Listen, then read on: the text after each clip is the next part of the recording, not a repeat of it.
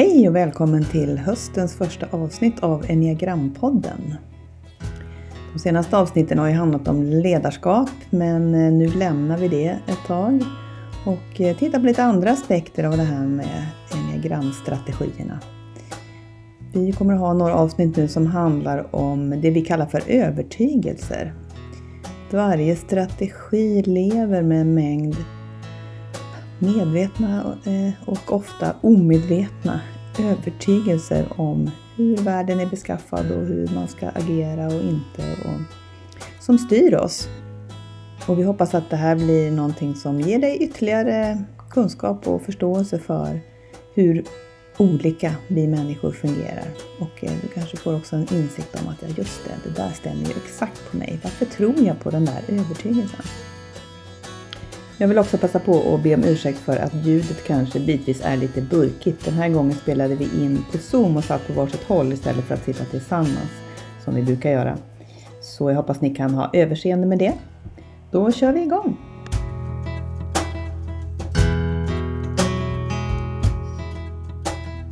Hej och välkommen till ett eh, nytt avsnitt av Enneagrampodden. Höstens första avsnitt. De senaste gångerna har vi pratat om ledarskap. Eh, den här gången tänkte vi gå tillbaka lite mer igen till hela enneagrammet. Det får vi se hur mycket vi hinner med. Men, eh, temat idag kan man väl sammanfatta som ja, men hur begränsar den här strategin vi har dominant? Hur begränsar den oss? Och hur viktigt det är med medvetenhet om de här begränsningarna för att vi ska kunna bli mer fria att agera utanför vår grundstrategi.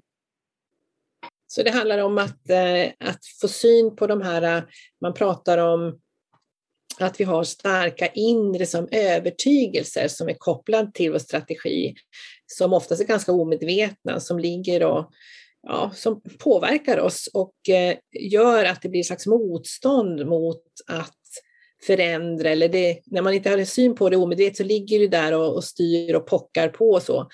Och det här det man pratar om eh, inom också an, på andra sätt, man pratar ju om någonting som kallas för eh, immunity, kan jag inte säga immunity. immunity to change.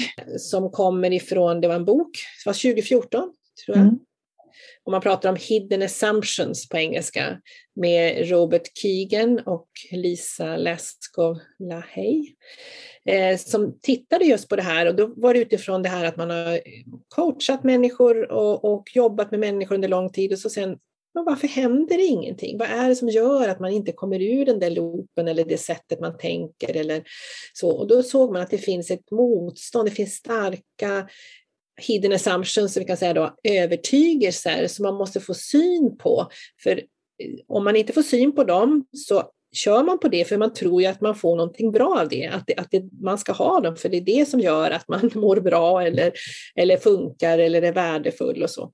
Mm. så, så eh, och då måste man titta på de där omedvetna föreställningarna för att eh, eh kunna förändras. Mm. Och, och de här föreställningarna, det är ju liksom idéer som vi har om, om hur världen är beskaffad, liksom hur andra människor funkar, eh, hur vi själva måste vara på ett visst sätt för att få våra behov mötta. Och just det här att, det, att de är så omedvetna eh, och känns ofta så självklara så att man inte ens liksom reflekterar. Det är väl helt självklart att det är så här. Mm, mm. gör att, det, att de är svåra att upptäcka. Mm. Ja, och, och det här, om, ja, nu har inte vi lyssnat på det, men vi har lyssnat på andra som har gått utbildning hos Claudio Naranjo och han kallar dem för crazy ideas. Mm. idéer som vi har. Och det tycker jag är lite, lite kul begrepp, för det blir lite också att man kan ha lite Ja, men det hjälper en att ha lite distans till sig själv också, att det är crazy ideas. Så vi, har, vi har fullt med sånt i oss och då får man se lite förlåtande på sig själv, men ändå att se på det och se vad tokigt att jag har det här. Och varför, varför tänker jag så här? Och att, att lite mera, tror jag lättare också att jobba med dem om man har den ja. inställningen. Ja. Jo, för det, för det, kan man väl säga att när vi kommer att gå igenom det här så kanske kan låta lite jobbigt, hårt. Eh, och, och, det är klart att man kanske inte exakt känner igen sig precis så som vi säger, men man har ju kanske olika grader av samma mm. sak i alla fall. Mm. Uh, och, och det här är ju att titta på det som är lite jobbigt mm. hos oss. Och det är ju det som enneagrammet mycket kan hjälpa en med. Så, så vi är väl noga med att man ska inte blunda för det. Nej. Men jag tror att om man ser man det med, med, med lite humor och skratt så kan, och ja. lättare icke identifiera med det utan vad heter mm. det här? Lite distans. Eh, kan separera från det. Och, eh, men att det är så viktigt att kunna se det där för att kunna avslöja det som omedvetet styr oss. Mm, mm. Ja, men se strategin som det är en strategi jag tar till, men det är inte ett med mig. Det behöver inte vara ett med mig. Jag kan hålla det på lite avstånd och bli lite lösare. Vad är det han Tom Condon brukar säga? Be easy in your harness, tror jag han säger. Harness är en riddarrustning. Att, att hålla den lite lättare. Att inte den ska sitta liksom helt fast, utan skapa lite luft där inne. Mm. Så det tänkte vi, ja, som Tina sa i början, prata om idag och um, att vi gör som vi brukar när vi ska prata om alla strategier, att vi börjar med åttan. Mm. Och sen går vi runt och så ser vi hur många om vi hinner med alla den här, det här avsnittet eller om vi får dela upp det.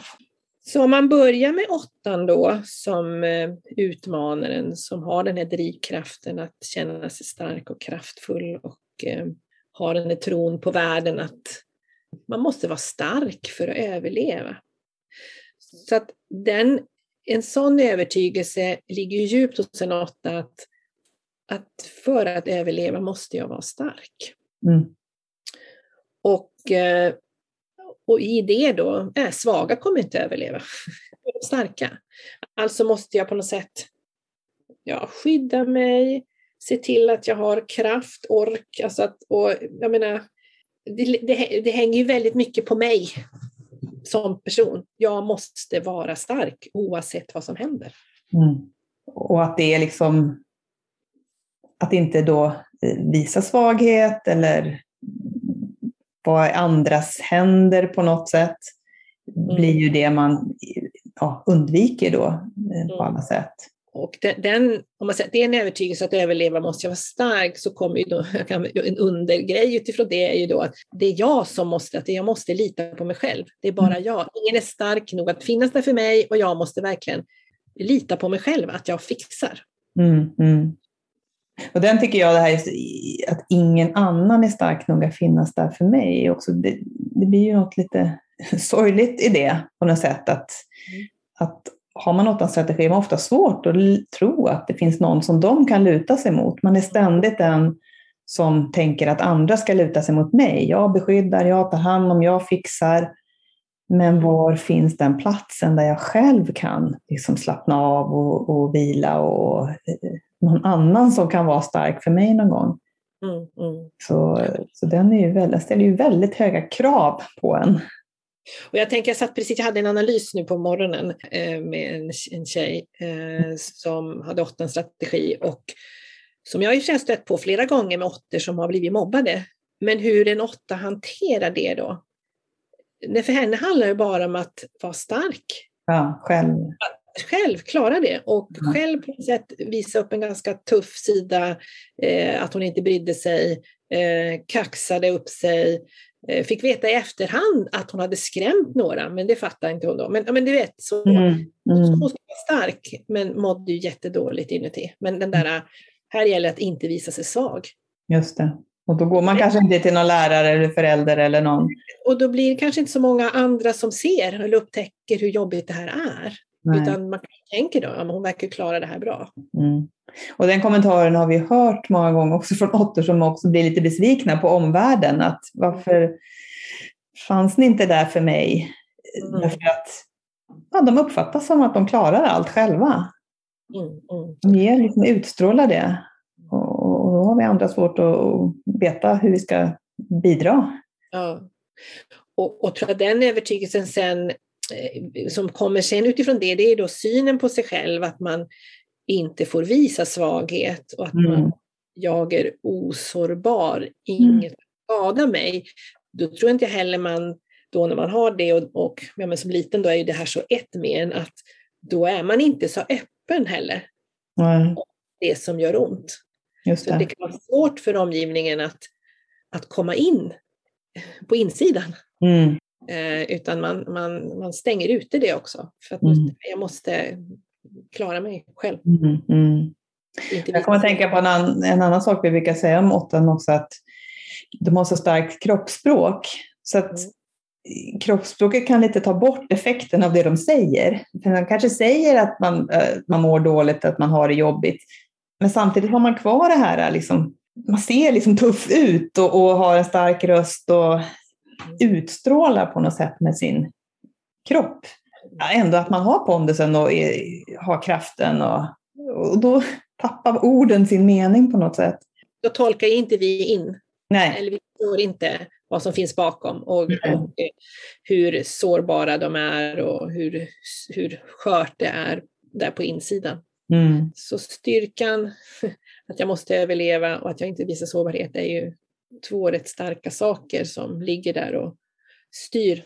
Sen är det ju det här med rättvisa, att man också har en övertygelse om att eh, ja, men världen är, den är inte bara tuff, den är också orättvis. Och indirekt, eh, omedvetet tänker att ja, men jag vet ändå vad som är rättvist. Jag vet vad som är sant och vad som är falskt, vad som är bullshit och vad som är rätt. Jag har den där, eh, min magkänsla på något sätt så kan jag känna mig fram till det som är eh, rätt och riktigt. Mm.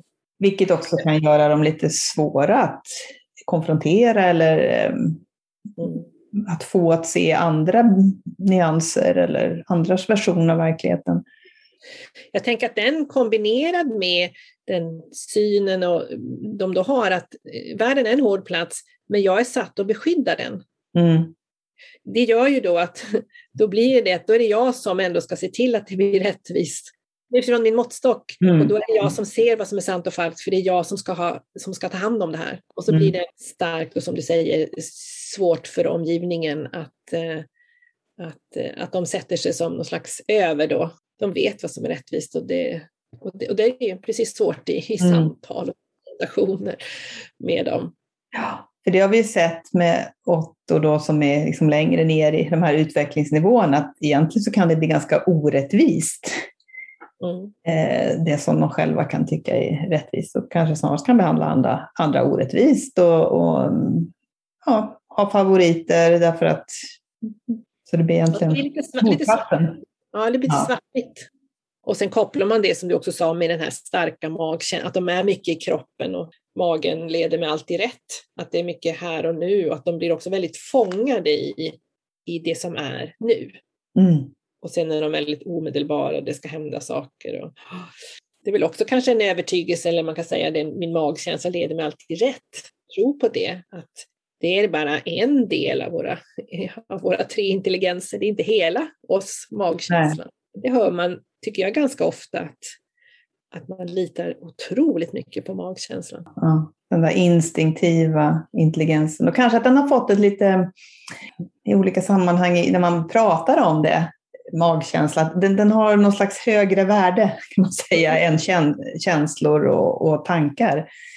Eh, många, att den på något sätt eh, också, man lyssnar i, i coachingsammanhang eller föreläsningar eller så, här, så Mm. den har fått, blivit lite onödigt uppskattad kanske.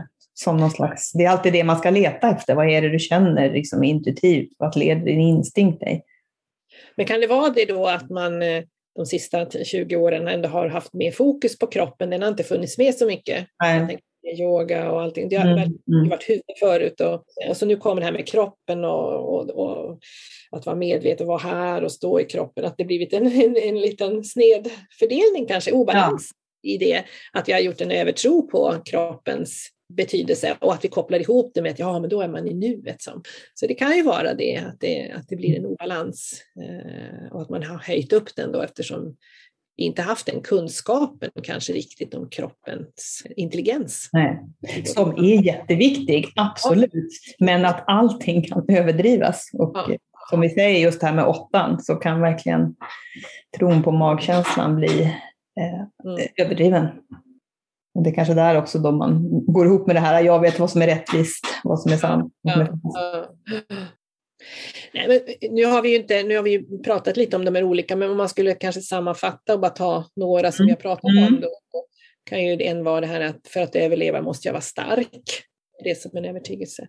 Och det andra är jag är osårbar, inget kan skada mig. Och världen är en orättvis plats, men jag vet vad som är rättvist, sant och falskt.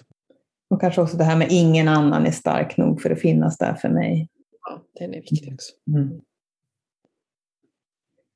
Så det var väl några grejer vi tog upp om åttan. Det finns ja.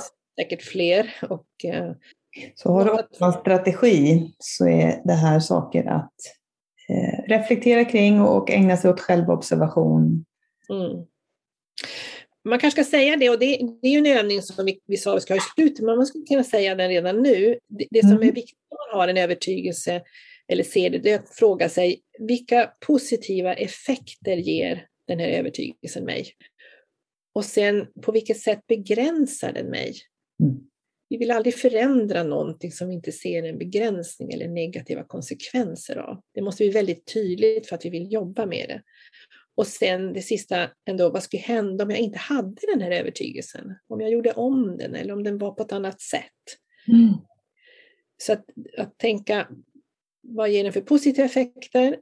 Hur begränsar den mig? Och om jag inte hade den eller hittade en ny som inte begränsar, hur det skulle den kunna se ut? Vi använder det när vi coachar ibland, men man skulle kunna också ha med det som en, när det gäller alla våra som vi går igenom. Vi kan ta, gå igenom den igen i slutet, men men ska vi fortsätta med nian? Så vad säger du där Tina om nian? Precis, nians strategi som då har som grundläggande drivkraft att, att känna harmoni. Att vilja ha ett inre som är harmoniskt och att ha harmoniska relationer till människor och till omvärlden. Ja, så i det blir ju en ganska stark eh, övertygelse att konflikter och, och disharmoni går liksom emot den här harmonin. Så att själv vara den som orsakar någon form av konflikt eller irritation, det vill man absolut inte göra. Och det finns här en övertygelse om att ja, man vill hålla ihop och, och, att det ska vara harmoniskt och att människor ska vara samman. Därför har man, för att det finns en underliggande övertygelse om att ja, men konflikter leder till splittring, till separationer, till att människor går isär, till att man inte är överens och då förstörs den här helheten, enheten som man strävar mot. Så den brukar vara väldigt stark. Så därför kan man säga att nior är konflikträdda, eller i alla fall konfliktundvikande, och har ju då lärt sig mängder av olika metoder att inte hamna i konflikt. Mm. Att eh, det kommer liksom inte så långt. Man är duktig på att se olika sidor av saker och ting och hålla med olika parter och räkna bort sig själv lite grann ur bilden och vara väldigt förstående och tolerant. Allt för att undvika det där eh, med konflikt. Och som en konsekvens av det blir det också en övertygelse om att det inte är okej okay att hävda sig själv. Eh, vilket gör att man blir väldigt inlyssnande. Där kommer ju också någon slags tanke om att det är viktigt att andra är nöjda och att man själv liksom känner sig nöjd genom andras nöjdhet. Men, men just att stå upp för sig själv, då finns ju den här risken att man stör harmonin. Så att, att hävda sig, det, nej, då är det bättre att vänta in, höra vad alla andra har sagt innan man själv säger någonting. Ehm, och som sagt anpassa sig. Allt som inte liksom går direkt emot någonting man vill kan man hellre då bara följa med. Så att eh, man blir väldigt flexibel där. Och sen har man, ja förlåt, säg. Ja, men jag tänker utifrån det du har sagt och så, så kan man ju, mm. kan man ju förtydliga kanske och säga att en sån övertygelse kan ju vara då att om, som du har pratat om, om andra är nöjda jag nöjd. Mm. Det kan ligga en väldigt djup sån där om andra är nöjda så är jag nöjd. Alltså det mm. finns ju där eftersom rädslan för konflikter och så, så, mm. så blir det en slags sanning då som man omedvetet styr den. Och där när vi har hört direkt från människor som vi har coachat och, och gjort analyser med just att man verkligen känner så. Om mina medarbetare är nöjda, då är jag nöjd. Mm. Mm. Och så det, det, andra då, det är inte okej okay att hävda mig själv. Mm det är också en sån där, ganska kort, men, men som bygger på det du också sa, där, att mm. mm. andra har bättre idéer och man vill inte störa, men det, det är inte okej. Okay. Mm. mm. Just i det där också, att det inte är okej okay att hävda sig, just att jag har inte så mycket att komma med. Vi brukar ju också säga att nian har en slags självbild av att jag är ingen särskild, jag är någon slags medelsvensson som inte har... Andra är smarta och, och kraftfulla och Eh, så därför är det, behöver jag inte liksom, göra min röst hörd eller mm. att det blir någon slags övertro på andra, andras förmågor. Mm. Eh, och också att man gör sig lite en bild av andra där man bara liksom tar in det som är bra om andra. För att det är lättare att se det. Det är jobbigt att se det som är negativt och svårt för det kan ju, råka, det kan ju störa harmonin också. Mm. Vilket också tror jag gör att man själv liksom kommer lite i skymundan. Det blir någon slags eh, passivitet i livet på något sätt också. Då mm. kommer ut övertygelsen att men allt löser sig med tiden. Mm. Vad som händer är okej. Okay. Då behöver jag inte ta massa plats från andra, då behöver jag inte heller eh, ja, då är det okej okay att inte ha så mycket, att jag inte hävdar mig eller kommer med så mycket idéer, för allting kommer ändå att lösa sig med tiden. Vad som mm. än händer är okej. Okay. Och att man inte tar tag i problem heller då. Mm. Därför att man tror att men, den här konflikten eller det här problemet, den här irritationen som jag ser bland annat, det kommer. Ger det bara tid så försvinner det. Mm. Ehm, och också att man själv skjuter på saker som man kanske borde ta tag i för sin egen del. Det har vi också sett, det här med prokrastinera kan ju nian verkligen göra. Och tänka att ja, men det, jag tar det sen, jag tar det imorgon, jag tar det nästa vecka, jag tar det om två veckor, om en månad. Och, och så skjuter man bara upp det. Och, och, samtidigt så finns ju det här liksom någon slags passivt motstånd ändå i nian. För det finns ju också faktiskt någon slags underliggande övertygelse om att ingen kan tvinga mig till något som jag inte vill. Om man verkligen inte vill, det märks ju, men inte på ett liksom konfrontativt direkt sätt, utan mycket mer indirekt. Där personen kanske inte vill prata om det som Eh, är några svårigheter eller surar, går iväg, eh, inte är kontaktbar, gör inte det man har kommit överens om. Alltså tusen olika sätt att göra något slags passivt motstånd eh, som många kan eh, vittna om att jo, det, med nya strategi, det har vi fått höra många gånger, man känner igen sig. Ens partner kanske vill att man ska göra något särskilt, kanske byta jobb om man har haft samma jobb i 25 år och egentligen inte trivs. Och hela, alla i omgivningen säger åt en att du borde så kan det ändå kännas det där, ja men om folk försöker tvinga mig, ja men då banne mig. Även om jag inte trivs på jobbet så tänker jag inte göra något, för jag vill inte bli tvingad. I alla fall så vi uppfattar det utifrån. Ja, uppfattar ja. vi Och jag tror att det ligger ju djupt i det undermedvetna att, att det finns en väldigt stark integritet, trots all ja. flexibilitet. Ja, och också har du kvar den där, men det löser sig med tiden. Varför att det kommer lösa sig, det kommer bli bra. Ja, det är ju ja. också tron på att det kommer bli bra, så, så man sitter inte och lider där, det är mer vi som lider. För ja. de har ju som bedövat sig själv med det tänkandet också, mm. att det kommer lösa sig. För annars skulle de ju göra något. Mm. Men jag tänker, du berättar du har ju sett den här serien Par Ja, just det. Det är levande exempel, precis. Jag vet inte om ni tittar på eh, Vi eller aldrig. Nej, men där finns det i alla fall något par som heter Mar Marcus, heter han. Jag kommer inte ihåg vad hon heter nu. Jag tänker att han har nians strategi. Det går på SVT just nu, precis. Det är ett väldigt intressant sätt att titta på olika, ha teorier om olika människors enneagramstrategier. Just med honom så är det väldigt tydligt att han håller väldigt mycket inom sig som ett sätt att ja, skydda sig. Han är vänlig och, och sådär utåt, men det finns en slags passivitet i att inte delta. Ja, att bara följa med och hålla med, men inte liksom komma fram med sig själv. Ja. Och har man de här då underliggande grejerna då hos nian, eh, att rädsla för att riskera konflikt och inte hävda mig, jag ska inte göra det för då kan det uppstå disharmoni. Och, så, alltså det blir ju väldigt tryck på att i, alltså trycka ner dig själv som person. Ja, så det kan ju gå åt mycket energi där ja, mycket till att trycka ner allt som man inte vill ska komma upp. Det kan göra att nian kan känna sig helt slut faktiskt. Och, och, kan också känna att man inte har energi. Det är många som kan säga att man har inte energi Nej. för att göra de här sakerna. För att den, den energin går åt att, att trycka in sig själv på något sätt. Ja, ja tala ner Utifrån rädslan då, eller som finns, eller att man ska mm. förorsaka massa mm, konflikter och mm. människor ska börja må dåligt och rädsla för separation och splittring och så. Det är jättestarka mm. som går emot våra grundläggande behov att få vara älskad, sedd och finnas i sammanhang. Det är mm. jättejobbigt, jättejobbigt att känna det. Mm. Att det Mm, mm. Så det kan ju förklara, mycket tycker jag de här, alltså, de här övertygelserna förklarar ju varför det är så jobbigt för oss att eh, både titta på dem och förändring. Och förändra dem. Och att de, de leder till många konsekvenser. De förklarar ju så mycket av sen hur vi beter oss. Mm, mm. Så om man skulle sammanfatta nian med några då som är viktiga om du har nians strategi. Ja, övertygelser som är centrala. Det, här, det är inte okej okay att hävda mig själv. Och konflikter leder till splittring och separation och eh, katastrof på något sätt. Och även det här med att allt, allt löser, övertron på att allt löser sig bara man ger det tid. Och sen kanske också fundera över hur ser mitt passiva motstånd ut? Vad är det jag gör istället för att vara öppen och ärlig med hur, hur jag känner? Vad är det jag kanske inte gör?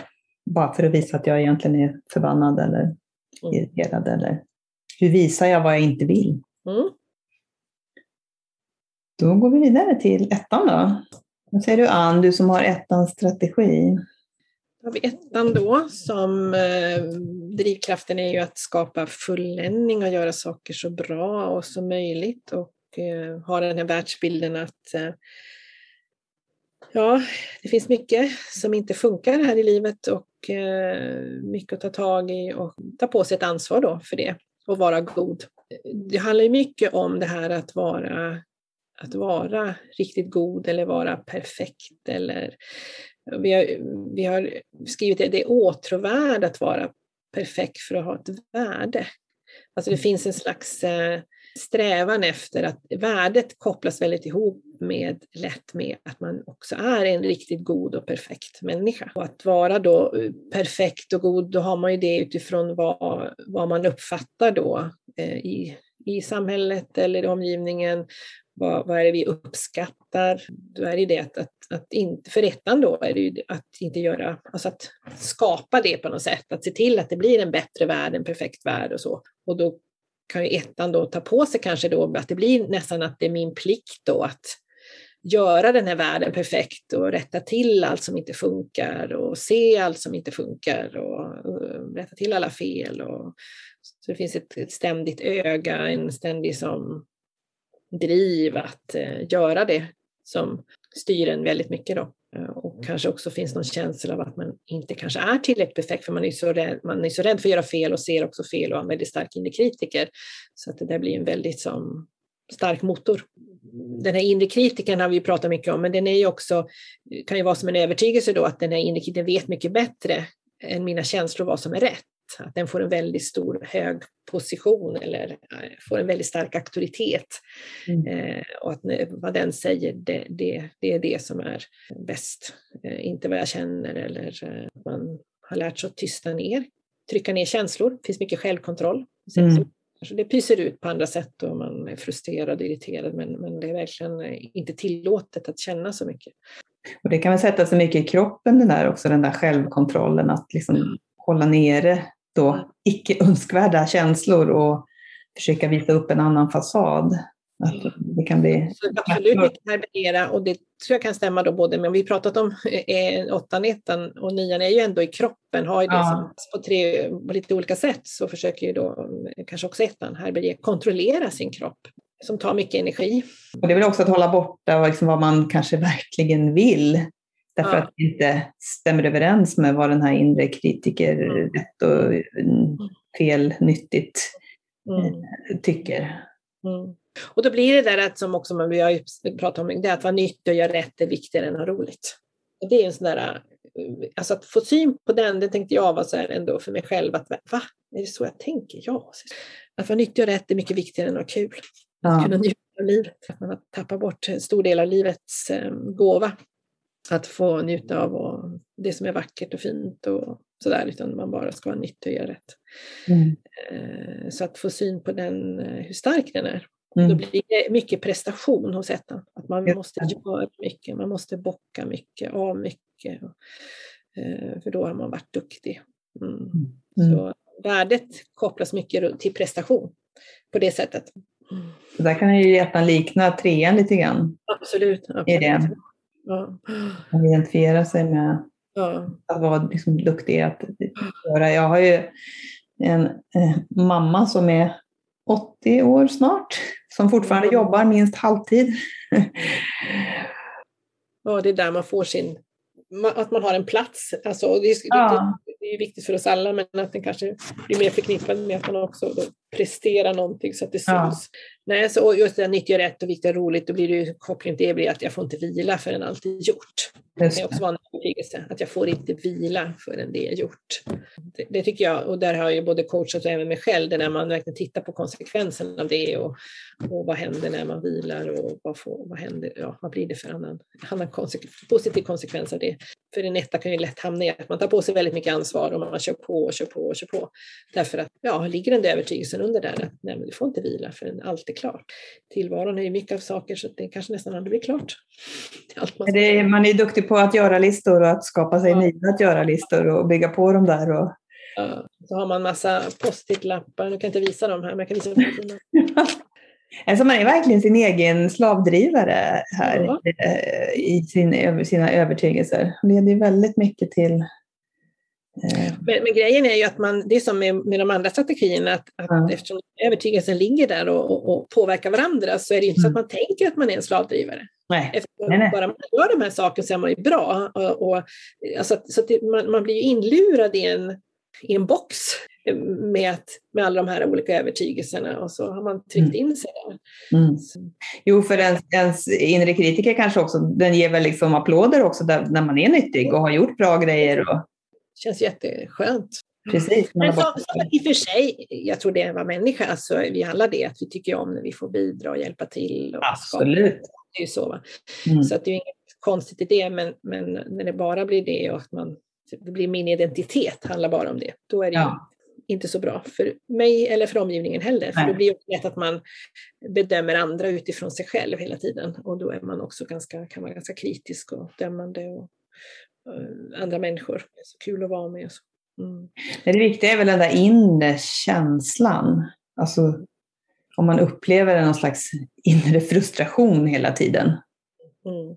då är man ju mer i, styrd av de här övertygelserna. Mm. Mm. Är du mer fri så behöver du inte känna frustration och irritation med dig själv eller med omgivningen. Du accepterar det som är. Och Ja. här är det. Och det är mitt sätt är mitt sätt och andra sätt är deras sätt.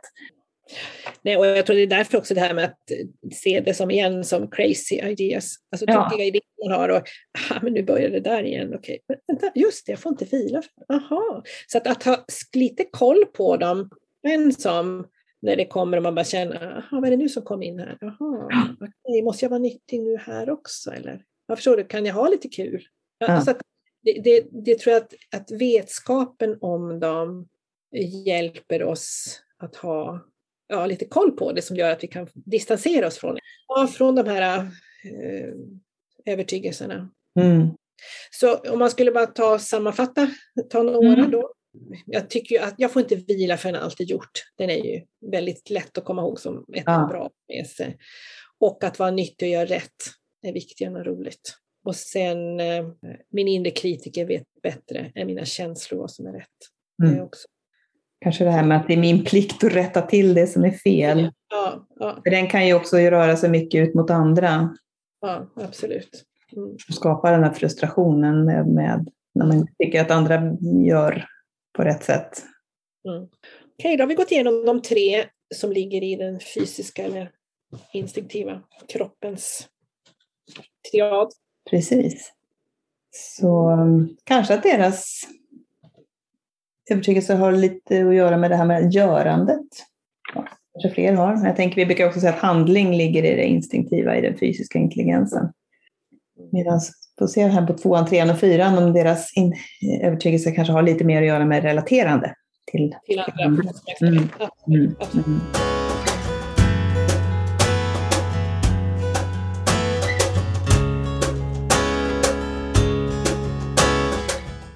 Så ska vi ta tvåan då. Ja, Tina. Precis. Så tvåans strategi då som har en väldigt stark drivkraft att relatera, att skapa relationer, kontakt med andra. Vill verkligen nå fram. Och baksidan av det blir ju att någonstans så känner de också då för att få den här relationen så måste jag göra någonting. Jag måste vara på ett visst sätt så att andra kan eh, vill ha en relation med mig. Så, så där tycker jag är väldigt eh, sorglig övertygelse kan man väl säga. Är att jag kan inte bli älskad som jag är. Jag måste förtjäna kärlek. Mm. Att, att jag måste göra någonting för dig för att du ska tycka om mig, för att du ska ja, för att få kär, den kärlek och den kontakt och den här relationen. Och här kommer ju då in tvåans roll som hjälparen, stöttaren, fixaren, den som är så nu där genom det som de också fått den här förmågan att liksom se andras behov och att vara så öppna för och lyhörda och lyssna efter vad, vad finns det för behov runt omkring mig hos andra? Vad kan jag göra för dem för att jag ska bli omtyckt? Vad kan jag göra för att förtjäna det här? Och det blir de också så, precis där på att skapa relationer och vara ja. intresserad av människor och som du säger, och komma ihåg saker om människor och engagera sig i människor. Och verkligen. verkligen. Och det kan ju vara individer och det kan vara sammanhang, det kan vara grupper, det kan vara organisationer. Man ger liksom av sig själv sin tid och, och uppmärksamhet framför allt. Och det är väl det att de försöker ju älska människorna som de är mm. själva. Då. De försöker ge det de inte får, känner själva. Försöker ge. Om jag älskar den här personen och bara som den är och bara finns där och lyssnar mm. och hjälper, mm. då, då jag omedvetet inte känner att jag får. Nej, mm. nej. Och i det blir ju då för tvåan som blir ändå ganska bekräftelseberoende, så blir bekräftelse från andra blir på något sätt beviset på att jag är älskad. Mm. Så, så, där blir ju också viktigt ändå indirekt att, att få bevis på andras uppskattning, om det är ett leende, tack, eh, lovord på något sätt, att man är ganska törstig efter det. Mm. För då får man liksom ändå bekräftat att okej, okay, jag är viktig för den här personen, jag betyder någonting, jag kan, liksom, jag har förtjänat kärleken.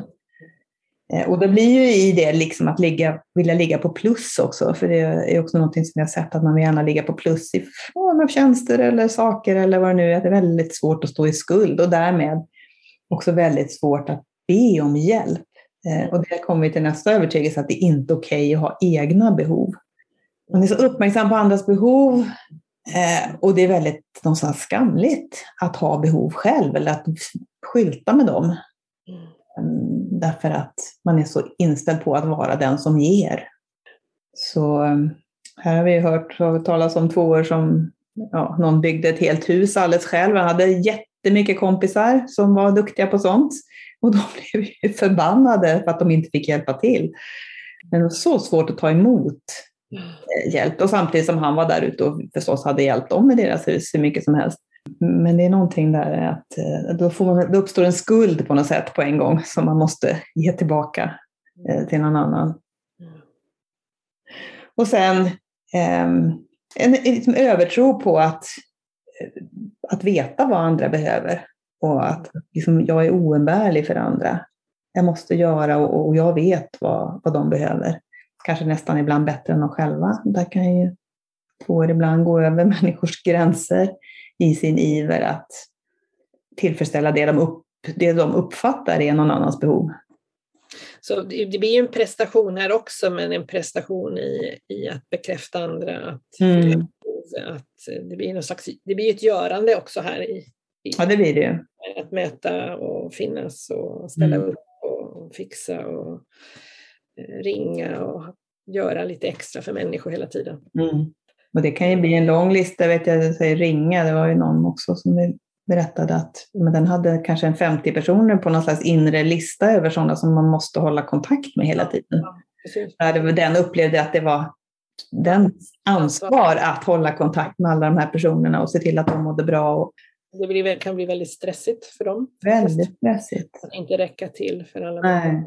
Eller vi hade någon annan som var lärare som också kände som sitt kall, eller sitt uppdrag att prata med alla 300 elever minst en gång i veckan. Mm. Så att man tar på sig ett väldigt uppdrag för att finnas där för andra. Men det är klart, om den där övertygelsen ligger där i botten då, ja. att jag måste förtjäna kärlek, inte bli älskad som jag är. Då, då ligger ju och styr jättemycket. Då blir det inte mina behov eh, så viktiga, utan jag måste hela tiden förtjäna att göra. Och jag mm. tror att det är den svåra och jobbiga upptäckten när man har tvåans strategi, att, eh, att se det här och acceptera det här.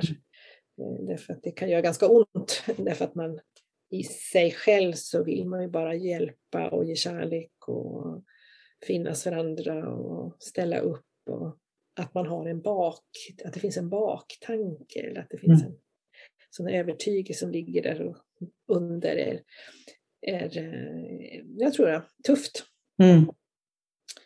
Och det hänger lite grann ihop det här att man har väldigt svårt att sätta sig själv först. Att det känns otroligt själviskt om jag ska liksom sätta mina behov före någon annans. Då är jag ju liksom en oh, eh, självisk person. Så därför blir det också inte så att man räknar så mycket med andra, att andra ska finnas där. Jag kan ju påminna lite om åttan där på sätt och vis.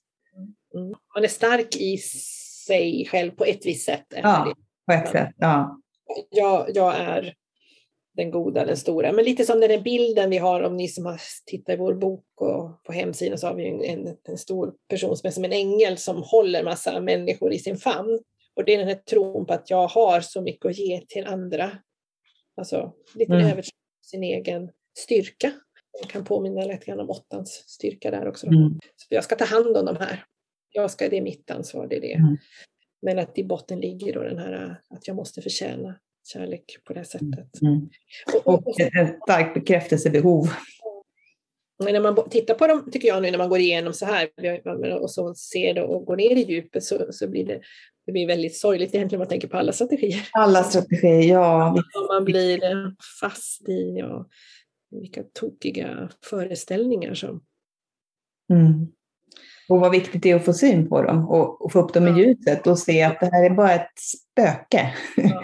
För det är verkligen inte sant. Få upp dem i ljuset. Ja. Ljus, upp med spökena i ljuset och stick hål på dem. Mm. Mm. Eh, man brukar säga troll spricker solsken. Mm. Det är fula troll det här. Mm. Våga, våga se dem själv. Sammanfatta några av de här då? Ja, för tvåan så kanske den här, ja den första, jag kan inte bli älskad som jag är, jag måste förtjäna kärlek.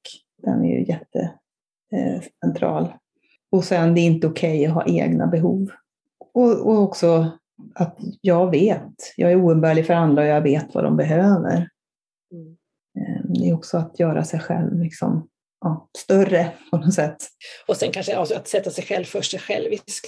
Övertygelse som, som påverkar allt det här. Att ja. Rädslan att vara självisk och egoistisk. Att jag offrar mig hellre för andra.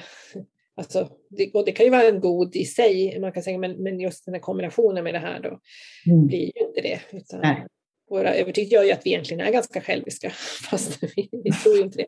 Det är det som är grejen. Ja, precis. Ofta så vi, vi strävar efter någonting och så blir det kanske egentligen motsatsen. Ja, det är motsatt. Mm. Så, då går ja. vi vidare med trean som drivkraften är att vara lyckad och nå framgång och ha den här bilden eller synen på världen att världen värdesätter verkligen vinnare, människor som lyckas. Mm. Och här blir det ju också, också mycket prestation, att man identifierar sig mycket med just det man gör och det man uppfattar att världen uppskattar, det som mm. ligger i tiden mycket. Eh, och då blir ju en övertygelse kanske då att eh, till exempel det jag gör måste gå att mätas för att räknas. Alltså det blir väldigt mycket kopplat ihop med att det måste på något sätt eh, mätas det jag gör. Och, och, och på något sätt, och därför blir det här med mål och eh, resultat och att jag når de här sakerna. Därför att där ligger mitt värde, att jag har lyckats, nått framgång, kommit dit, ah, check på det, eh, då är jag okej. Okay. Mm. jag tänker också, jag eh, tänkte inledningsvis i det du sa, att det handlar om prestation, att det påminner om ettan, men att det här mm. blir så relaterat till andra också, för att det handlar om att visa upp för omvärlden. Mm. För ettan kanske mer att ja, man vill göra sina saker och, och vara nyttig och sådär för, för att känna sig bra själv. Men här är någonting som man måste visa ja, det är lite i trean. Ja, därför att ettan behöver nog inte visa på samma sätt. Det är mer mot den här inre kritiken. Ja. Man ska vara duktig och känna att man har gjort utifrån det man har bedömt. Men mm. det är inte lika viktigt. Ja, inte på samma sätt. Som nej, att nej, eftersom trean också ligger i den här emotionella triaden, tänker jag, som har att göra med relaterande till andra. Hur ser andra på mig? Vad, vad har jag att liksom visa upp för omvärlden? Hur, hur visar jag att jag är en vinnare? Mm. Och då blir det där, eh, som utifrån det här så är det då det här eh, som en övert jag måste leverera och prestera för att ha ett värde. Det är en väldigt stark sanning. Berättade det, jag satt med en person som var trea, vi skulle jobba med de här sakerna och så när jag läste den där sa jag, nej men det där, det där kan man inte jobba bort, det där är så. Det, det, det, det är sant. Ja, alltså det var så starkt så det, det var mm. alltså, absolut ingen nackdel med det. Det var verkligen så. Mm. Nej, men det är klart att det är så. Man måste mm. leverera för att ha ett värde. Mm. Eh, jag minns jag frågade, ser du så på dina barn också? sa jag. Ja, sa förstår du? Det var så starkt det där. Ja, ja. Alltså man måste plugga, man måste göra det, man måste, annars så har man inget värde. Det är lite angränsande till tvåans det här att jag måste göra något för andra för att bli älskad. Ja, absolut. Jag måste leverera och prestera, annars, har jag, annars är jag en värdelös person. En värdelös person, ja, absolut. Ja. Och i det där också lite lik att det, att det är mycket viktigt med bekräftelse. Att jag får erkännande, att jag får någon slags eh, stjärna eller någon klapp på axeln eller att jag ser att folk, ja men någon, jag söker eh, väldigt mycket en, en bekräftelse. Mm. Ja, det blir beviset på att jag har ett värde. Ja. Mm. Och det kan ju vara en titel också, tänker jag. Mm. Mm.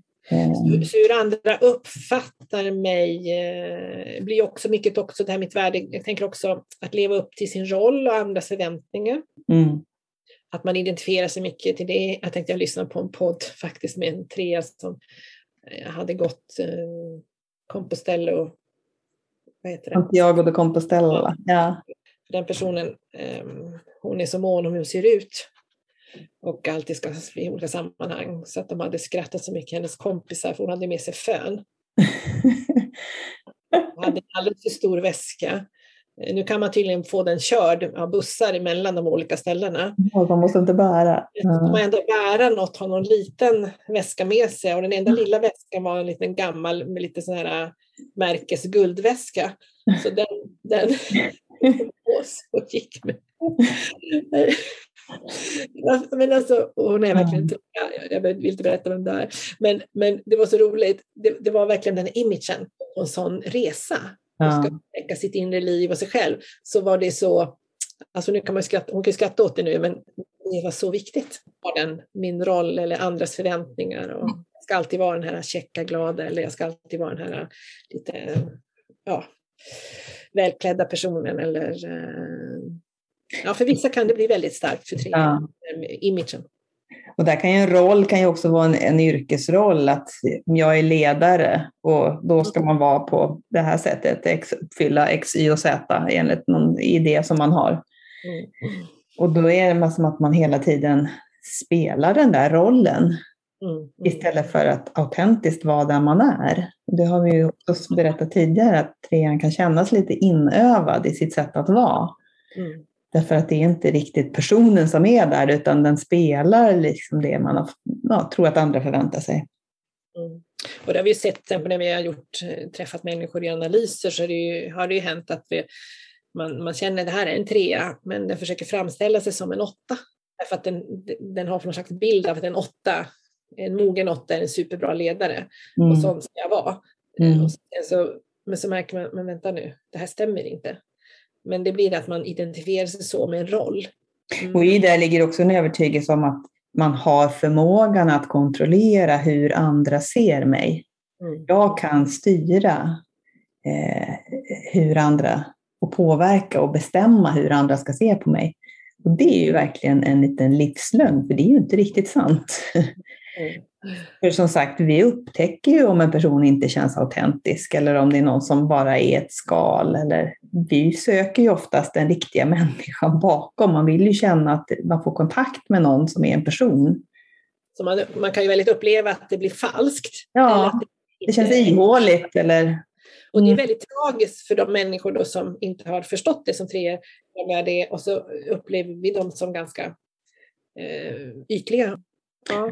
Ja, där tror jag treor också, jag tänker mycket av sån här självhjälpslitteratur och, och ja, inom ledarskap och så, den här övertygelsen om att man kan bestämma hur saker och ting ska bli och vad man ska tänka. Och det finns en övertro på att jag själv kan bli precis vad jag vill och styra mina tankar på precis på rätt sätt som jag vill. Och det var ju någon person som vi träffade på någon gång som, som du hade som sa efter ja, hade gjort det här och så kom han tillbaka några veckor senare och sa att ja, men nu har jag liksom övat in alla de här nio strategierna så nu kan jag använda alla nio precis när jag behöver dem.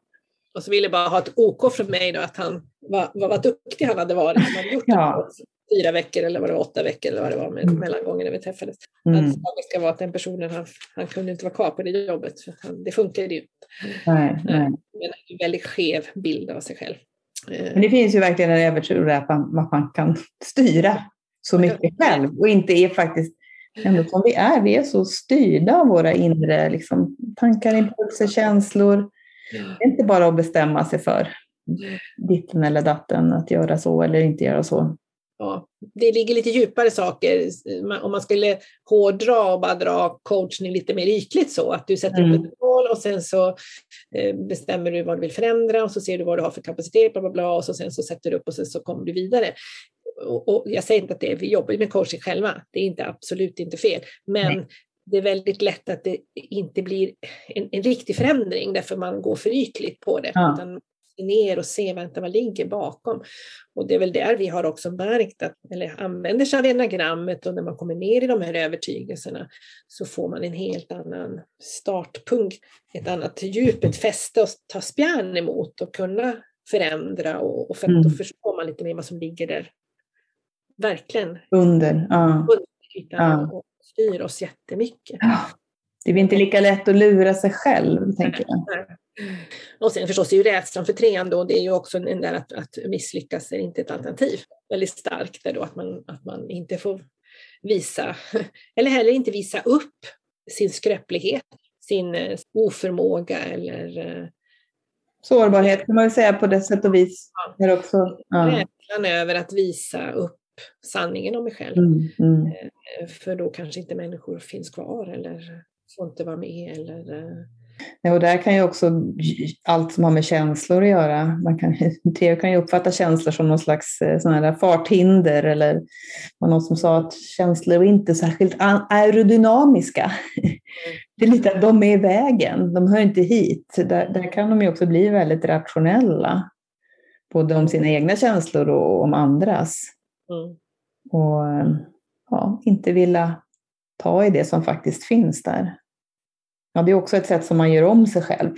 Att styra undan från och, och kanske flytta fram, känna, känna det gör jag om, ja, nu har jag det här projektet och jag måste igenom alla de här sakerna. Känslor under tiden kommer bara vara i vägen så de stoppar jag undan.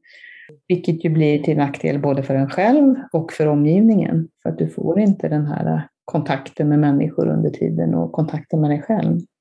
Hon kan köra över sig själv och jobba för mycket och ja, allt möjligt som där känslorna faktiskt är en hjälp att eh, sätta stopp och veta hur man mår egentligen.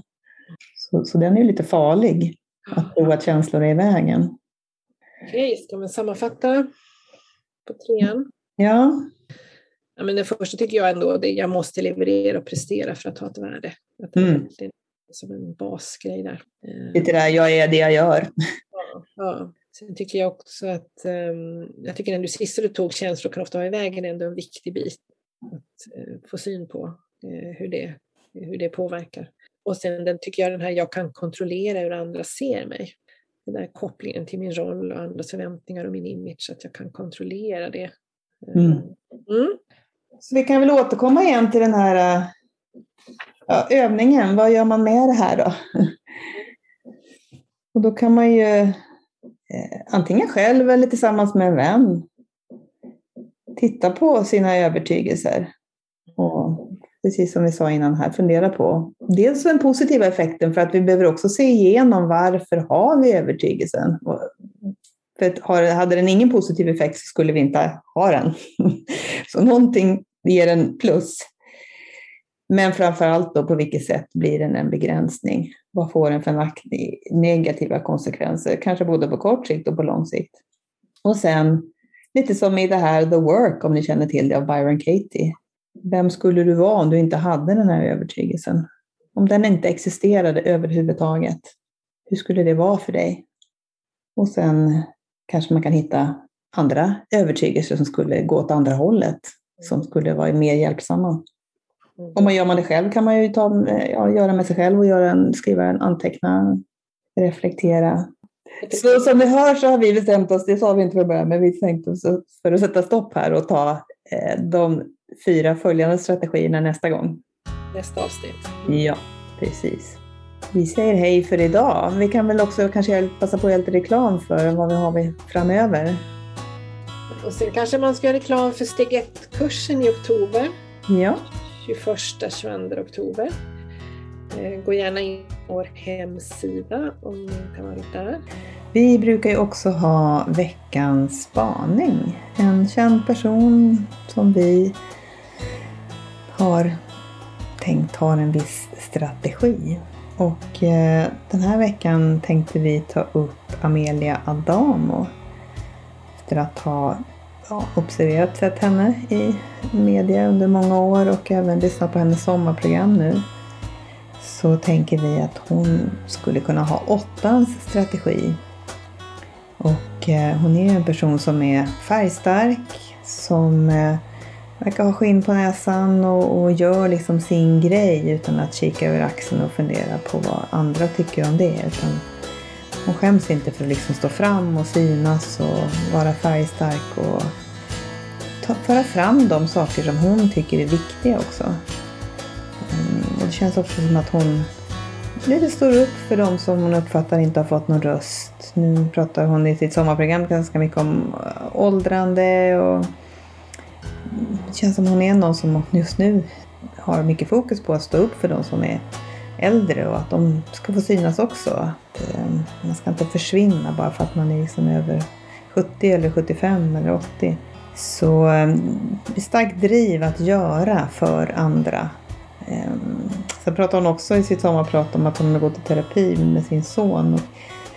Där tyckte jag det lät lite som den här lite okänsligheten som åttor kan ha. Att man inte riktigt uppfattar den känslomässiga påverkan man har på människor runt omkring sig. Eller märker inte andras känslomässiga lägen. Man är mera ganska bokstavligt tolka vad människor säger.